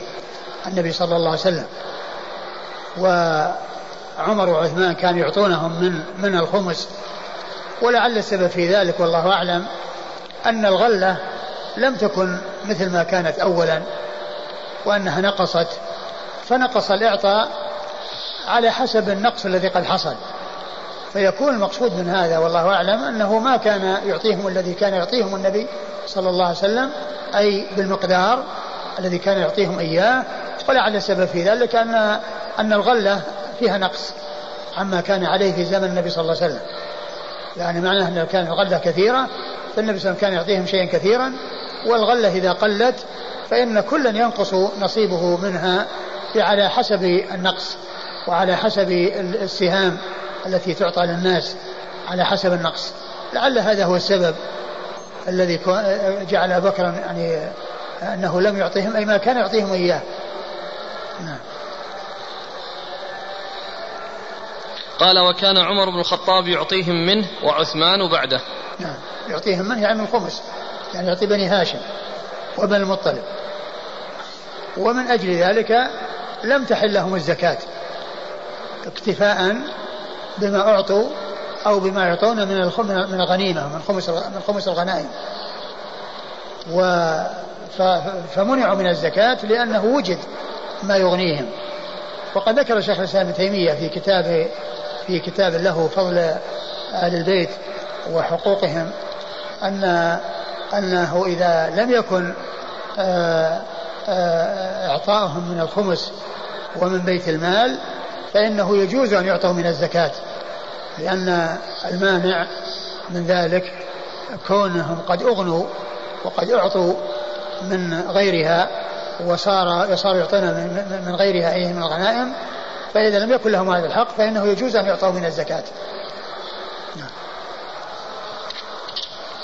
قال حدثنا عبيد الله بن عمر بن ميسرة عبيد الله بن عمر بن ميسرة القواريري هو ثقة أخرجه البخاري ومسلم وأبو داود النسائي ثقة أخرجه البخاري وأبو داود البخاري ومسلم وأبو داود النسائي عن عبد الرحمن بن مهدي. عبد الرحمن بن مهدي ثقة أخرجه أصحاب كتب الستة. عن عبد الله بن المبارك. عبد الله بن المبارك المروزي ثقة أخرجه أصحاب كتب الستة. عن يونس بن يزيد. بن يزيد الأيلي ثقة أخرجه أصحاب كتب الستة. عن الزهري عن سعيد بن المسيب. عن الزهري مر ذكره سعيد بن المسيب ثقة فقيه أحد فقهاء المدينة السبعة في عصر التابعين أخرجه أصحاب كتب الستة. عن جبير. عن جبير. نعم. عن جبير بن مطعم النوفلي رضي الله عنه صاحب رسول الله صلى الله عليه وسلم وحديثه أخرجه أصحاب كتب الستة.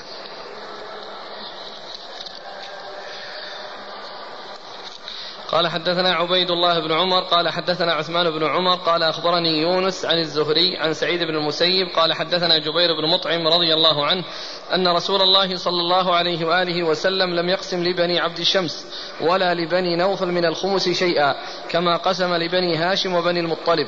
قال وكان أبو بكر رضي الله عنه يقسم الخمس نحو قسم رسول الله صلى الله عليه وآله وسلم غير أنه لم يكن يعطي قربى رسول الله صلى الله عليه وآله وسلم كما كان يعطيهم رسول الله صلى الله عليه وآله وسلم. وكان عمر يعطيهم ومن كان بعده منه. ثم ورد أبو داود آه، الحديث من طريق أخرى وهو مثل الذي قبله. قال حدثنا عبيد الله بن عمر عن عثمان بن عمر. عثمان بن عمر ثقة أخرج له أصحاب الكتب. أصحاب الكتب الستة. عن يونس عن الزهري عن سعيد المسيب عن جبير. وقد مر ذكرهم جميعا.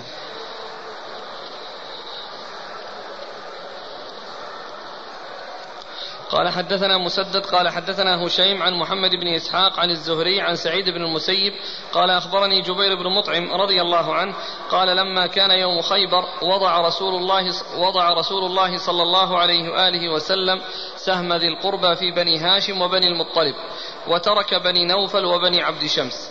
فانطلقت أنا وعثمان بن عفان رضي الله عنه حتى أتينا النبي صلى الله عليه وآله وسلم فقلنا يا رسول الله هؤلاء بنو هاشم لا ننكر فضلهم للموضع الذي وضعك الله به منهم. فما بال إخواننا بني المطلب؟ أعطيتهم وتركتنا وقرابتنا واحدة. فقال رسول الله صلى الله عليه وآله وسلم إنا وبنو المطلب لا نفترق في جاهلية ولا إسلام وإنما نحن وهم شيء واحد وشبك بين أصابعه صلى الله عليه وآله وسلم ثم رد أبو داود حديث جبير المطعم من طريق أخرى وهو مثل ما تقدم قال حدثنا مسدد مسدد بن مسرح آه، ثقة أخرجه البخاري وأبو داود والترمذي والنسائي. عن هشيم هشيم بن بشير الواسطي ثقة أخرجه أصحاب الكتب الستة. عن محمد بن إسحاق محمد بن إسحاق المدني صدوق أخرجه البخاري تعليقا ومسلم وأصحاب السنن. عن الزهري عن سعيد المسيب عن جبير بن مطعم. وقد مر ذكر الثلاثة.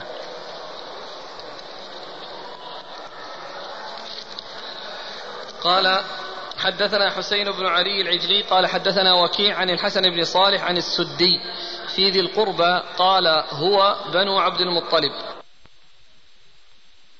داود هذا الأثر عن السدي في تفسير ذوي القربى أنهم بنو عبد المطلب. وبنو عبد المطلب هم بنو هاشم لأن هاشم ليس له نسل إلا من عبد المطلب. ليس لهاشم ابن عبد مناف نسل إلا من جهة ابنه عبد المطلب.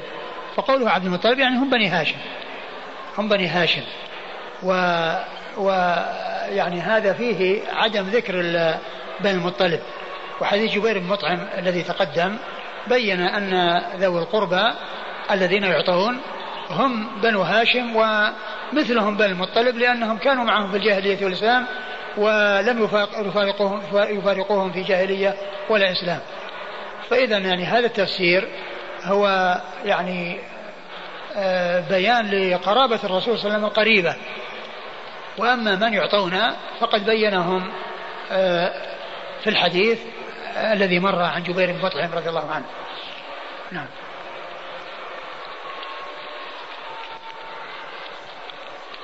قال حدثنا حسين بن علي العجلي. حسين بن علي العجلي هو صدوق يخطئ كثيرا أخرجه أبو داود الترمذي صدوق يخطئ كثيرا أخرجه أبو داود والترمذي. عن وكيع.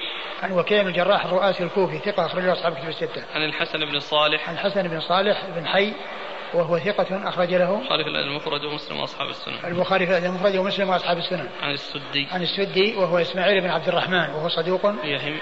صدوق يهم أخرج له. مسلم وأصحاب السنن أخرجه مسلم وأصحاب السنن قال حدثنا أحمد بن صالح قال حدثنا عن بسة قال حدثنا يونس عن ابن شهاب قال أخبرني يزيد بن هرمز أن نجدة الحروري حين حج في فتنة ابن الزبير أرسل إلى ابن عباس رضي الله عنهما يسأله عن سهم ذي القربى ويقول لمن تراه؟ قال ابن عباس لقربى رسول الله صلى الله عليه وآله وسلم قسمه لهم رسول الله صلى الله عليه وآله وسلم وقد كان عمر رضي الله عنه عرض علينا من ذلك عرضا رأيناه دون حقنا فرددناه عليه وأبينا أن نقبله. ثم ورد أبو داود هذا الحديث. عن ابن عباس رضي الله تعالى عنهما أن نجده الحروري سأل ابن عباس عن سهم ذوي القربى عن سهم نعم. ذوي القربى لمن يكون. نعم. لمن تراه. لمن تراه. قال لقرابة رسول الله صلى الله عليه وسلم.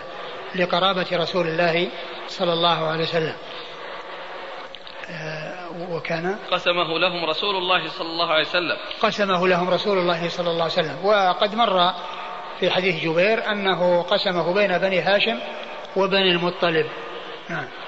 وقد كان عمر عرض علينا من ذلك عرضا رأيناه دون حقنا فرددناه عليه وأبينا أن نقبله. وكان عمر رضي الله عنه عرض عليهم عرضا رأوه دون حقهم فلم يقبلوه. ولعل السبب كما ذكرت يعني سابقا أن هذا النقص الذي هو أقل مما كانوا يعط- يعطون بسبب نقص الغلة. نعم.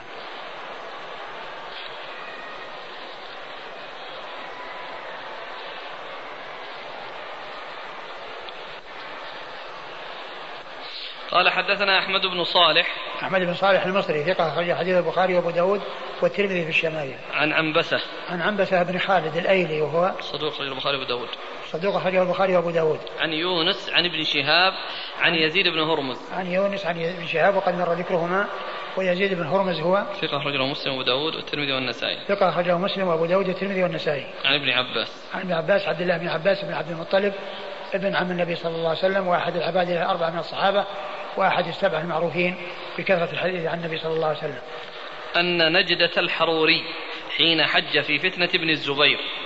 أرسل إلى ابن عباس. يعني يسأله. وش وش حروري. يعني الحروري يعني من الخوارج. الحرورية الذين يعني كانوا في حرورة. وكانوا خرجوا آه، يعني كما هو معلوم على علي رضي الله عنه وقاتلهم. وكان ابن عباس هو الذي أرسله علي لمناقشتهم ول آه، يعني بيان آه، خطئهم. نعم. قال حدثنا عباس بن عبد العظيم قال حدثنا يحيى بن أبي بكير قال حدثنا أبو جعفر الرازي عن مطرف عن عبد الرحمن بن أبي ليلى قال سمعت عليا رضي الله عنه يقول ولاني رسول الله صلى الله عليه وآله وسلم خمس الخمس فوضعته مواضعه حياة رسول الله صلى الله عليه وآله وسلم وحياة أبي بكر وحياة عمر رضي الله عنهما فأتي بمال فدعاني فقال خذه فقلت لا أريده. قال خذه فأنتم أحق به. قلت قد استغنينا عنه فجعله في بيت المال. ثم ورد أبو داود حديث علي رضي الله عنه أنه قال ولاني رسول الله صلى الله عليه وسلم خمس الخمس ثم كذلك ووضعته مواضعه. ووضعته مواضعه. حياة الرسول صلى الله عليه وسلم في مدة حياة رسول الله صلى الله عليه وسلم وكذلك في زمن أبي بكر وفي زمن عمر وحياة عمر نعم. وفي زمن عمر وأنه جاء مال. نعم. فأتي بمال فدعاني فقال خذه. وأنه أتي أي عمر بمال فدعاني أي دعاه علي دعا عليا وقال خذه. فقال لا أريده. قال خذه فأنتم أحق به. قلت قد استغنينا عنه. فجعله. قال, قال خذه فأنتم أحق به. قال قد استغنينا عنه. فجعله في بيت المال. فجعله في بيت المال. قال العباس أو في, أو في طريق آخر. لا. كيف أقول فيه أظن فيه قال العباس لا سيأتي يأتي. نعم نعم سيأتي إن شاء الله نعم قال حدثنا عباس بن عبد العظيم عباس بن عبد العظيم العنبري ثقة أخرج حديثه مسلم وأصحاب السنن. البخاري تعليقا ومسلم. البخاري تعليقا ومسلم وأصحاب السنن. عن يحيى بن أبي بكير. عن يحيى بن بن أبي بكير وهو ثقة أخرج أصحاب الكتب. ثقة أخرج أصحاب الكتب الستة. عن أبي جعفر الرازي. عن أبي جعفر الرازي وهو صدوق سيء الحفظ. أخرج له البخاري المفرد وأصحاب السنن. البخاري المفرد وأصحاب السنن. عن مطرف. عن مطرف بن طريف وهو ثقة أخرج أصحاب الكتب الستة. عن عبد الرحمن بن أبي ليلى. عن عبد الرحمن بن أبي ليلى ثقة أخرج أصحاب الكتب الستة. عن علي. عن علي رضي الله عنه أمير المؤمنين ورابع الخلفاء الراشدين الهادين المهديين صاحب المناقب الجمة والفضائل الكثيرة رضي الله عنه وأرضاه وحديثه عند أصحاب الكتب الستة والحديث فيه أبو جعفر الرازي ويعني قال عنه الحافظ أنه صدوق سيء الحفظ آه، وقد ضعفه الألباني ولعل السبب هو أبو جعفر الرازي هذا.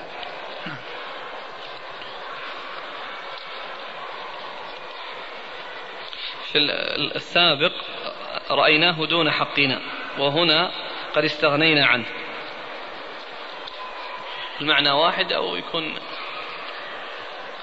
في الأول لما أتي بمال قال عمر وكان عمر عرض علينا من ذلك عرضا رأيناه دون حقنا فرددنا ها؟ كلام ابن عباس. إيه؟ وهذا كلام علي. فهذا يحمل عليه إيش؟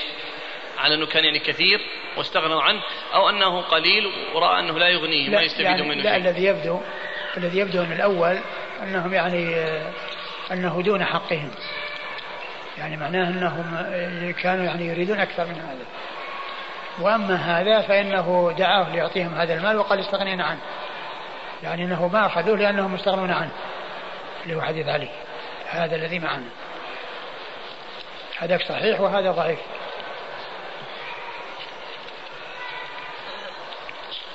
لا لأنه سيأتي الحديث اللي بعده.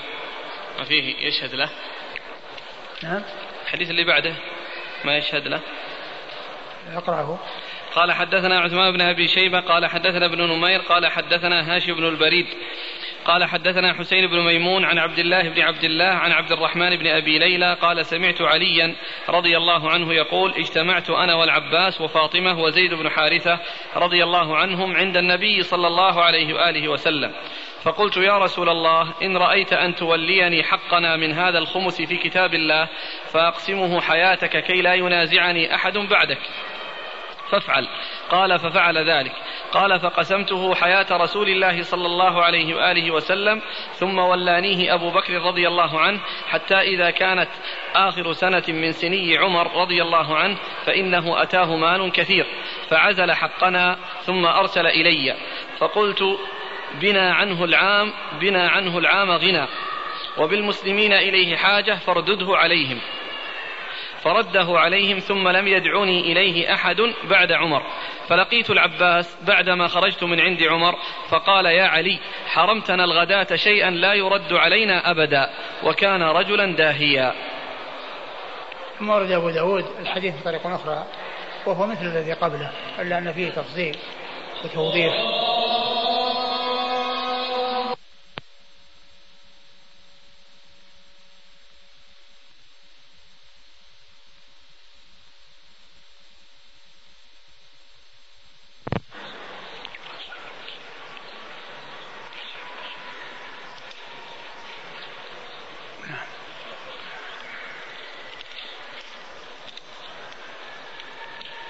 السند ولا المتن؟ السند قال حدثنا عثمان بن أبي شيبة عن ابن نمير. ابن أبي شيبة مر ذكره وابن نمير هو عبد الله ثقة أخرجه أصحاب كتب الستة. عن هاشم بن البريد. عن هاشم بن البريد وهو لين الحديث. أخرج له. هذا اللي بعده بارك الله فيك. هاشم البريد ثقة أخرجه أبو داود والنسائي وابن ماجه. ثقة أخرج له. أبو داود والنسائي وابن ماجه. أبو داود والنسائي وابن ماجه. واللي بعده؟ عن حسين بن ميمون. حسين ميمون هذا لين الحديث. أخرج له. أبو داود والنسائي في مسند علي أخرجه أبو داود والنسائي في مسند علي عن عبد الله بن عبد الله. عن عبد عن عبد الله بن عبد الله. صدوق أخرج له أبو داود والترمذي والنسائي في مسند علي وابن ماجه. صدوق أخرجه أبو داود والنسائي في مسند علي والترمذي وابن ماجه. عن عبد عبد الرحمن بن أبي ليلى عن علي. عبد الرحمن بن أبي ليلى عن علي. قد مر ذكرهما.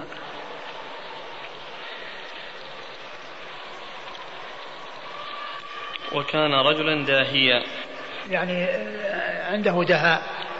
يعني فطنة وحذق اللي بعده قصة تقديم عبد المطلب والفضل بن عباس للزواج نقرأها ولا نتوقع؟ ها؟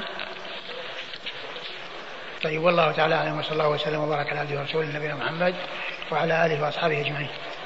جزاكم الله خيرا بارك الله فيكم ونفعنا الله ما قلت. الإخوة السؤال الحديث الأخير البارحة يحتاج إلى توضيح صلى الله إليك. أي حديث؟ عن عائشة رضي الله عنها أخبرت عروة بالحديث قال فيه فأبى أبو بكر رضي الله عنه عليها ذلك وقال على فاطمة قال ولست تاركا شيئا كان رسول الله صلى الله عليه وسلم يعمل به إلا عملت به. إني أخشى إن تركت شيئا من أمره أن أزيغ. فأما صدقته بالمدينة فدفعها عمر إلى علي وعباس رضي الله عنهم فغلبه علي عليها. الأسئلة جاءت على هذه الكلمة. فغلبه علي عليها. يعني كان كان علي رضي الله عنه أنه يعني كان يتصرف يعني آه، في ذلك الذي جعل إليهما. فأنكر عليه العباس يعني يكون يعني تصرف بدون موافقته فجاء يشتكيه ولهذا الشكوى من العباس. الشكوى من العباس يعني يشكو عليا. فليس معنى ذلك أنه غلبه عليها أنه انتزعها منه وأنه ليس له يعني فيها نصيب وقد جعل ذلك عمر إليهما جميعا. ولكن لعل ذلك أنه رأى أنه آه، يتصرف يعني في بعض الأشياء أو أنه يعطي في بعض الأشياء آه، دون أن يرجع إلى العباس. لا أنه انتزعها من العباس والعباس ما بقي بيده شيء ولا بقي متصرفا. نعم.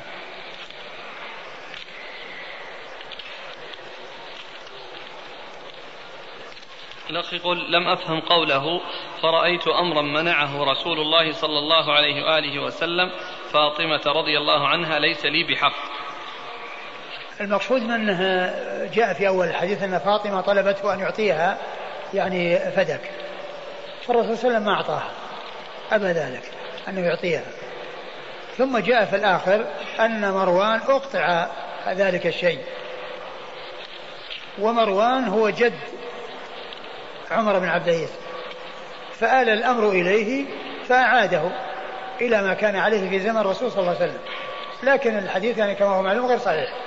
غير ثابت لأنه مرسل. أحسن الله إليك. هل هناك أثر أو دليل في إرضاء أبي بكر رضي الله عنه لفاطمة رضي الله عنها؟ نعم فيه.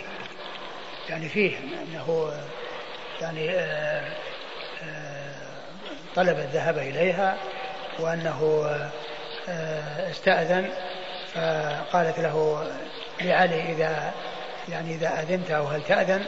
فقال نعم فدخل. فدخل واسترضاها ورضي.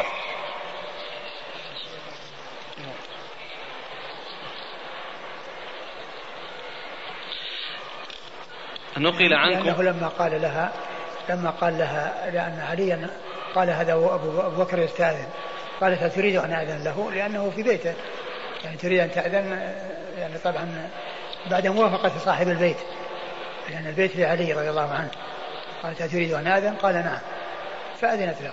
فدخل وتكلم بكلام جميل وأعجبهم ورضوا. نقل عنكم أنكم أجزتم نسخ برامج الحاسب الآلي لمن يستخدمها لنفسه لا للتجارة. فهل هذا صحيح؟ إيش؟ أجزتم نسخ برامج الحاسب الآلي لمن يستخدمها لنفسه لا للتجارة. الذي يبدو والله أعلم أنه إذا كان أنه يعني فيها غلاء فاحش وصاحبها يعني آه يعني آه يعني طلب فيها أشياء يعني فيها مغالاة أنه لا بأس إذا كان الإنسان يبي يستفيد فقط لا أن يتجر لا أن يتجر لا, لا أن يتجر لأن المحذور هو الاتجار. وأما كونه يعني يغليها غلاء فاحشا ويمنع الطريق بعض الناس يعني لا يتمكن فكونه يعني يستنسخ نسخة لنفسه الذي يبدو أنه لا بأس بذلك إن شاء الله قسم إيش؟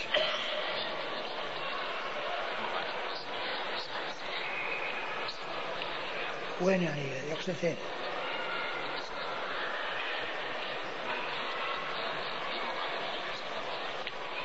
القسم لا, لا, لا, لا ليس له أن يقسم وهو كاذب. ليس له أن يقسم وهو كاذب. لكن إذا كان المسألة ما فيها قسم وأنه يعني لا أن هذا ليس ب يعني آه، متعين وأنه يمكن أن يستنسخ. طبعا هذا مثل مع المغالاة مثل ما حصل في أول ما طلع كتاب المعجم الفارس في ألفاظ الحديث النبوي كان يباع بخمسة آلاف. وبعد ذلك صور وصار يباع ب 300 ريال.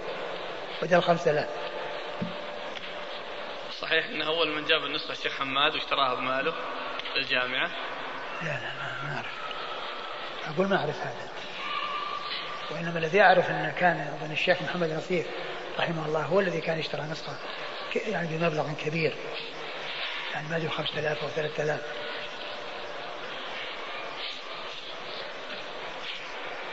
يمر معنا الآن في المتون إذا جينا عند علي أو فاطمة عليه السلام عليه السلام. نعم هذا من عمل النساخ وليس من عمل المؤلفين. وقد ذكر هذا ابن كثير رحمه الله عند تفسير قول الله عز وجل إن الله وملائكته يصلون على النبي.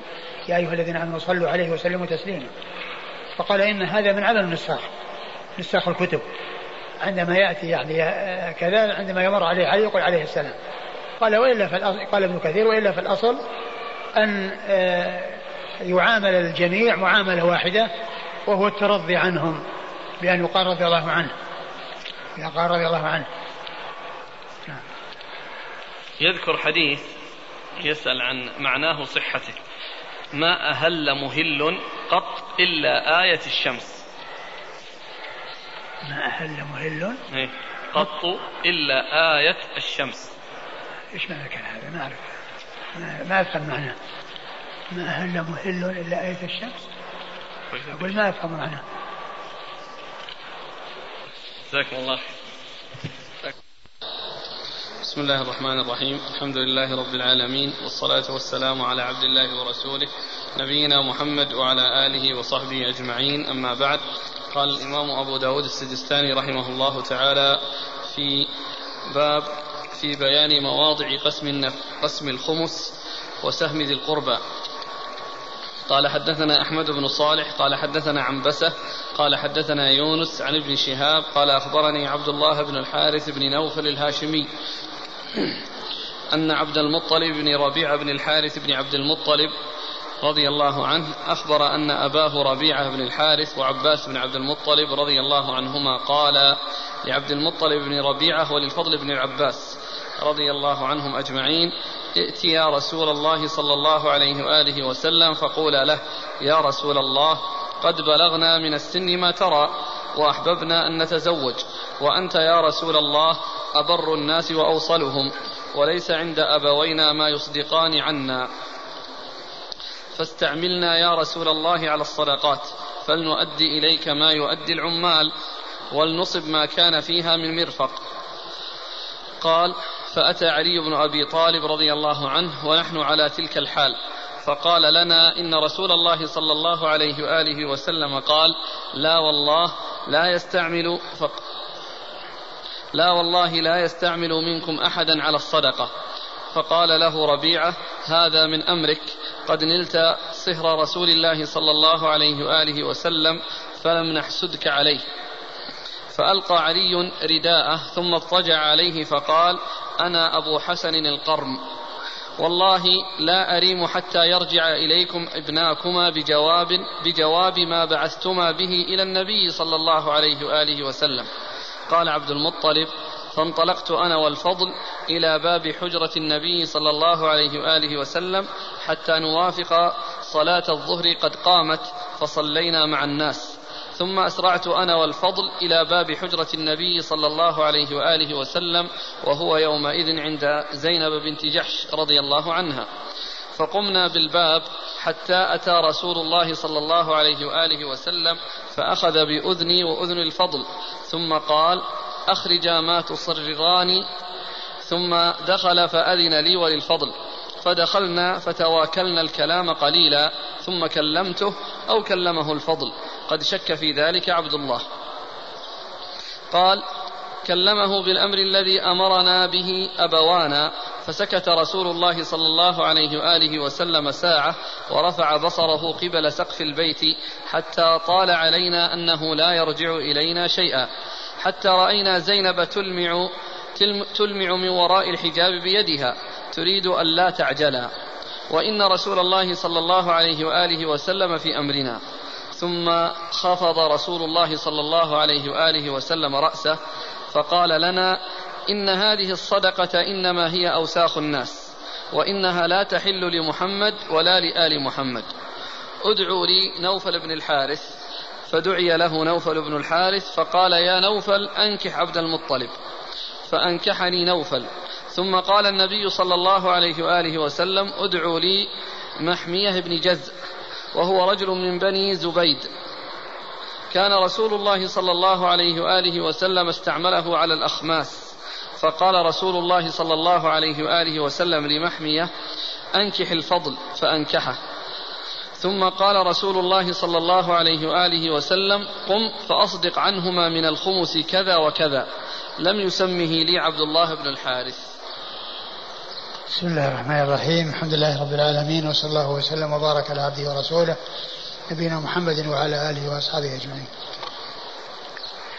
أما بعد فقد سبق المرة في الدرس الماضي جملة من الأحاديث تحت باب قسم الفيء ومواضع قسم الفيء وسهم ذي القربى وهذا الحديث الذي أورده المصنف عن عبد المطلب بن ربيعة بن الحارث بن عبد المطلب هو من جملة هذه الأحاديث التي تتعلق في بيان مصرف الخمس. وذلك أن فيه أن النبي عليه الصلاة والسلام أمر محمية بن جزء أن أن آه، يدفع صداقا لكل من الفضل بن العباس ولعبد المطلب بن ربيعة بن الحارث بن عبد المطلب آه، وذلك من الخمس أو من الأخماس لأنه كان هذا الذي دعاه ليمهرهما وليدفع الصداقة عنهما آه، كان هو المسؤول عن ذلك. آه، والحديث فيه أو أوله أن العباس بن عبد المطلب وربيعة بن الحارث بن عبد المطلب وهما أبناء عمومة النبي صلى الله عليه وسلم يعني أحدهما عم النبي آه، آه، عم النبي والثاني ابن عمه لأن العباس بن عبد المطلب هو عمه وربيعة بن الحارث بن عبد المطلب ابن عمه. آه، أرسل ولديهما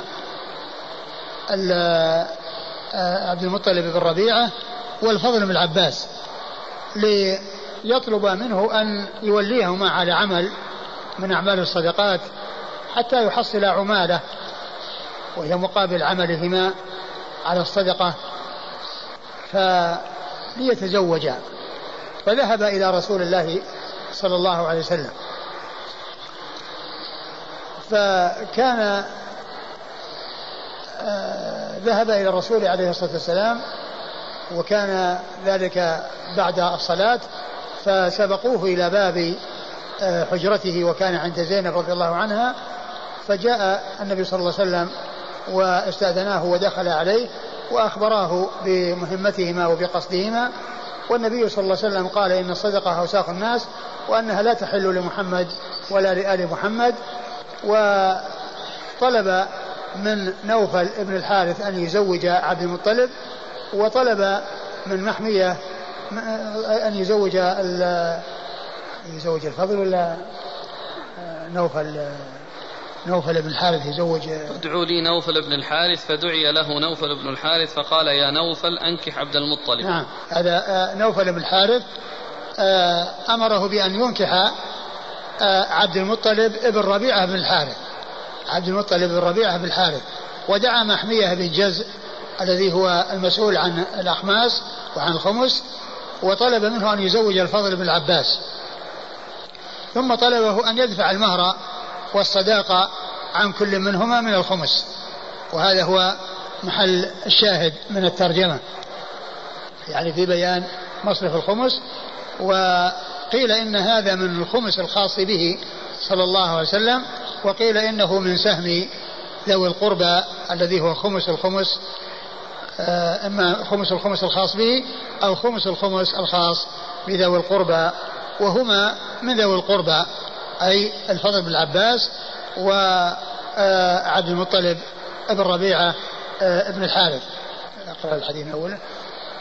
عن عبد الله بن الحارث بن نوفل الهاشمي أن عبد المطلب بن ربيعة بن الحارث بن عبد المطلب أخبر أن أباه ربيعة بن الحارث وعباس بن عبد المطلب. قال لعبد المطلب بن ربيعة وللفضل بن عباس ائت يا رسول الله صلى الله عليه وآله وسلم فقولا له يا رسول الله قد بلغنا من السن ما ترى وأحببنا أن نتزوج وأنت يا رسول الله أبر الناس وأوصلهم وليس عند أبوينا ما يصدقان عنا. فاستعملنا يا رسول الله على الصدقات فلنؤدي إليك ما يؤدي العمال ولنصب ما كان فيها من مرفق. أولا عبد المطلب هذا بن ربيعة بن الحارث اسمه عبد المطلب. وقد كان هذا الاسم في الإسلام وهو صحابي. والرسول صلى الله عليه وسلم ما غير اسمه وكان غير أسماء كثيرة معبدة لغير الله. ولم يغير اسم عبد المطلب بن ربيعة أبي الحارث وهو اسم اسم صحابي في الإسلام. ولم يغير الاسم. ولهذا قال بعض يعني قال ابن حزم في كتابه مراتب الإجماع أجمعوا على تحريم كل اسم معبد لغير الله حاشا عبد المطلب. أجمعوا على تحريم كل اسم معبد لغير الله حاشا عبد المطلب. واستثني عبد المطلب لأن النبي صلى الله عليه وسلم لم يغير اسم عبد المطلب بن ربيعة هذا الذي معنا في الإسناد. فدل على أن التسمية بعبد المطلب جائزة ولكن كما هو معلوم الأولى عدم ذلك وأن يسمى بالأسماء الكثيرة التي آه، لا شبهة فيها. وكون الرسول صلى الله عليه وسلم أقر هذه التسمية دل على الجواز وأنها مستثنات ولهذا قال ابن حزم أجمعوا على تحريم كل اسم معبد لغير الله حاشا عبد المطلب لأن النبي صلى الله عليه وسلم ما غير اسم عبد المطلب. و وفي الحديث آآ آآ الدلالة على كون الإنسان يسعى لتحصيل الرزق ولتحصيل المال والاكتساب من أجل الزواج وغير الزواج لأن هذين الرجلين جاء إلى النبي صلى الله عليه وسلم يطلبون منه العمل يطلبون منه العمل وأن يوليهم في على الصدقات يعني على جبايتها والسعاية فيها من أجل أن يحصل مالا يتزوجان به أنه ما بلغ الزواج.